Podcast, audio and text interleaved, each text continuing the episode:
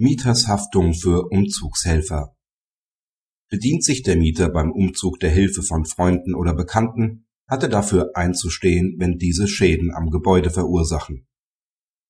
Beim Einzug des Mieters helfen Freunde, die den Notschalter im Aufzug beschädigen. Die anfallenden Reparaturkosten verlangt der Kläger vom Mieter.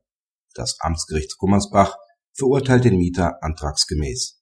Als Nebenpflicht aus dem Mietvertrag trifft ihn die Pflicht, an allgemein zugänglichen Einrichtungen keine Schäden zu verursachen.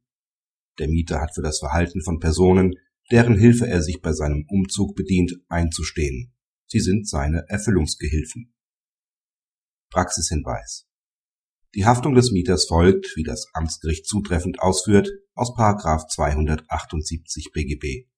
Ein anderweitiges Ergebnis wäre auch zweifelhaft, weil der Vermieter ansonsten ausschließlich auf gesetzliche Ansprüche gegen die Helfer angewiesen wäre. Zudem könnte er sich dann nicht die finanzielle Leistungsfähigkeit seines Mieters zunutze machen